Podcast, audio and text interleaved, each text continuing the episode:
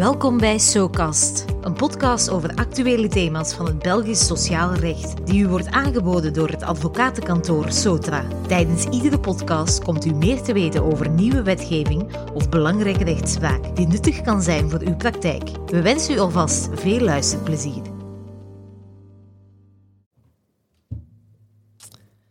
Hallo, mijn naam is Marianne Waarzegger, advocaat bij het advocatenkantoor Sotra. Ik heet jullie graag welkom voor een nieuwe aflevering van SoCast, een podcast over arbeidsrecht. Een tijdje geleden presenteerde ik samen met Karel de Vloo een eerste webinar in een reeks van vijf over de sociale verkiezingen van 2024. Naast deze reeks van webinars nemen we ook een reeks podcasts op waarin we de belangrijkste onderwerpen uit elk webinar toelichten. In onze vorige podcast beantwoordde ik de vraag waarom er sociale verkiezingen georganiseerd worden. In deze tweede podcast uit de reeks beantwoordt Karel de Vloo de vraag wie moet er sociale verkiezingen organiseren in 2024? Dus Karel, wie moet er in de praktijk sociale verkiezingen organiseren? Wel, het zijn niet de overheid of de vakbonden die de sociale verkiezingen moeten organiseren.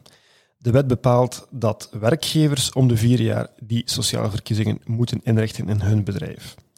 Concreet moeten ze er dus voor zorgen dat de hele procedure in zaken de verkiezing van de personeelsvertegenwoordigers in de ondernemingsraad en het Comité voor Preventie en Bescherming op het Werk vlot verloopt. En zijn alle werkgevers verplicht om verkiezingen te organiseren? Nee. Werkgevers met weinig personeel die zijn vrijgesteld. Het gaat enkel om die werkgevers die gewoonlijk gemiddeld een bepaald aantal werknemers in dienst hebben tijdens een specifieke referteperiode. Voor het oprichten van een ondernemingsraad gaat het om werkgevers die gewoonlijk gemiddeld minstens 100 werknemers hebben tijdens een referteperiode van één jaar die begint op 1 oktober 2022 en eindigt op 30 september 2023. Voor de oprichting van een comité voor de preventie en bescherming op het werk moet de onderneming gemiddeld gewoonlijk tenminste 50 werknemers te werk stellen tijdens dezelfde referteperiode. En hoe bereken je de gewoonlijk gemiddelde werkstelling dan? Gaat het om een telling in hoofden of eerder in voltijdse equivalenten? Wel, het gemiddelde aantal werknemers dat gewoonlijk in een bedrijf werkt, wordt verkregen door een formule toe te passen. Voor elke werknemer moet de werkgever het totale aantal kalenderdagen tussen indiensttreding en uitdiensttreding tijdens de referteperiode delen door 365. Om te bepalen wanneer een werknemer het bedrijf binnenkomt en verlaat, houdt de werkgever rekening met de datum van de dimonas bij diensttreding en bij vertrek. Voor deeltijdse werknemers die minder dan 75% werken, moet het resultaat gedeeld worden door 2. Ik kan deze regel illustreren met twee eenvoudige voorbeelden. Bijvoorbeeld, wanneer een werkgever een voltijdse werknemer gedurende de hele referteperiode in dienst heeft, wordt de werknemer 365 dagen geregistreerd in het personeelsregister. De werkgever deelt 365 dagen door 365 en de betrokken werknemer telt dus mee als één eenheid bij de berekening van de gewoonlijk gemiddelde tewerkstelling. Indien deze werknemer slechts 60% zou werken, dan telt hij maar mee voor een halve eenheid. Tweede voorbeeld. Wanneer een werkgever een voltijdse werknemer 182 dagen tijdens de referteperiode in dienst heeft, dan deelt hij die 182 dagen opnieuw door 365. De betrokken werknemer telt voor de berekening van de gewoonlijke gemiddelde werkstelling mee als een halve eenheid. Zodra de berekening voor elke werknemer is gemaakt, telt de werkgever alle verkregen resultaten bij elkaar op om te controleren of de drempels van 50 en of 100 werknemers zijn bereikt. De berekening van de gewoonlijke gemiddelde werkstelling wordt over het algemeen door het Sociaal Secretariaat uitgevoerd aan het einde van de referteperiode, dat wil zeggen dus na 30 september 2023. Oké. Nu, in je uitleg, Karel, heb je het soms over werkgevers of over bedrijven. Gaat het daarbij steeds om de juridische entiteit? Dat is een hele goede vraag. Nee, in, de context, in de context van de sociale verkiezingen zijn de begrippen werkgever en bedrijf niet hetzelfde.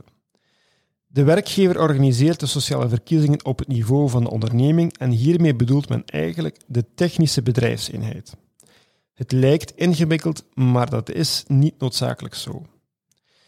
Er is wel geen wettelijke definitie van het eh, begrip TBE. Volgens de wet wordt een TBE bepaald aan de hand van economische en sociale criteria en het is de werkgever die in eerste instantie bepaalt hoe de TBE eruit ziet. Een bepaalde vestiging van een onderneming kan een afzonderlijke TBE uitmaken ten opzichte van bijvoorbeeld de hoofdzetel, indien die vestiging gekenmerkt wordt door een zekere sociale en economische zelfstandigheid. De economische criteria zijn talrijk.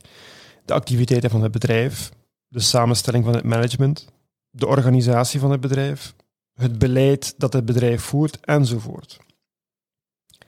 Daarnaast is er sprake van sociale autonomie wanneer, de groep werk, wanneer een groep werknemers zich onderscheidt van een andere groep werknemers binnen dezelfde rechtspersoon, doordat er bijvoorbeeld een afzonderlijk sociaal overleg is, een eigen personeelsbeleid enzovoort. Het concept van een TBE kan op het eerste gezicht vaag lijken, maar de oefening om te bepalen of er één of meer TBE's zijn, is vrij eenvoudig uit te voeren aan de hand van een checklist met economische en sociale criteria. Dus een werkgever kan als rechtspersoon meer dan één technische bedrijfseenheid hebben. Ja, inderdaad. In de meeste gevallen van valt de TBE gewoon samen met de juridische entiteit. Maar dat is natuurlijk niet altijd het geval. Een juridische entiteit kan meerdere TBE's hebben. Om een voorbeeld te geven, een logistiek bedrijf dat een vestiging heeft in Antwerpen en in Luik, die zo perfect twee TBE's kunnen hebben. Ten slotte is het ook mogelijk dat verschillende afzonderlijke juridische entiteiten samen één TBE vormen. Denken we bijvoorbeeld aan een onderneming die bestaat uit verschillende juridische entiteiten, maar die opereert onder één merknaam, die een, een gemeenschappelijk aandeelhoudende structuur heeft, een gedeeld personeelsbeleid heeft, enzovoort. Dus Karel, vat ik het correct samen als ik zeg dat de volgende ondernemingen sociale verkiezingen moeten organiseren?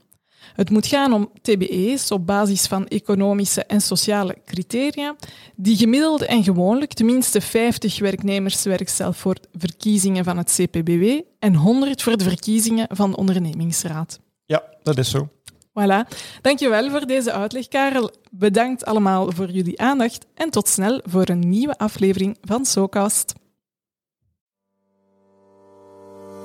SoCast wordt u aangeboden door Sotra, een advocatenkantoor gespecialiseerd in sociaal recht voor de private en publieke sector. Surf naar www.sotra.be voor meer informatie over onze diensten.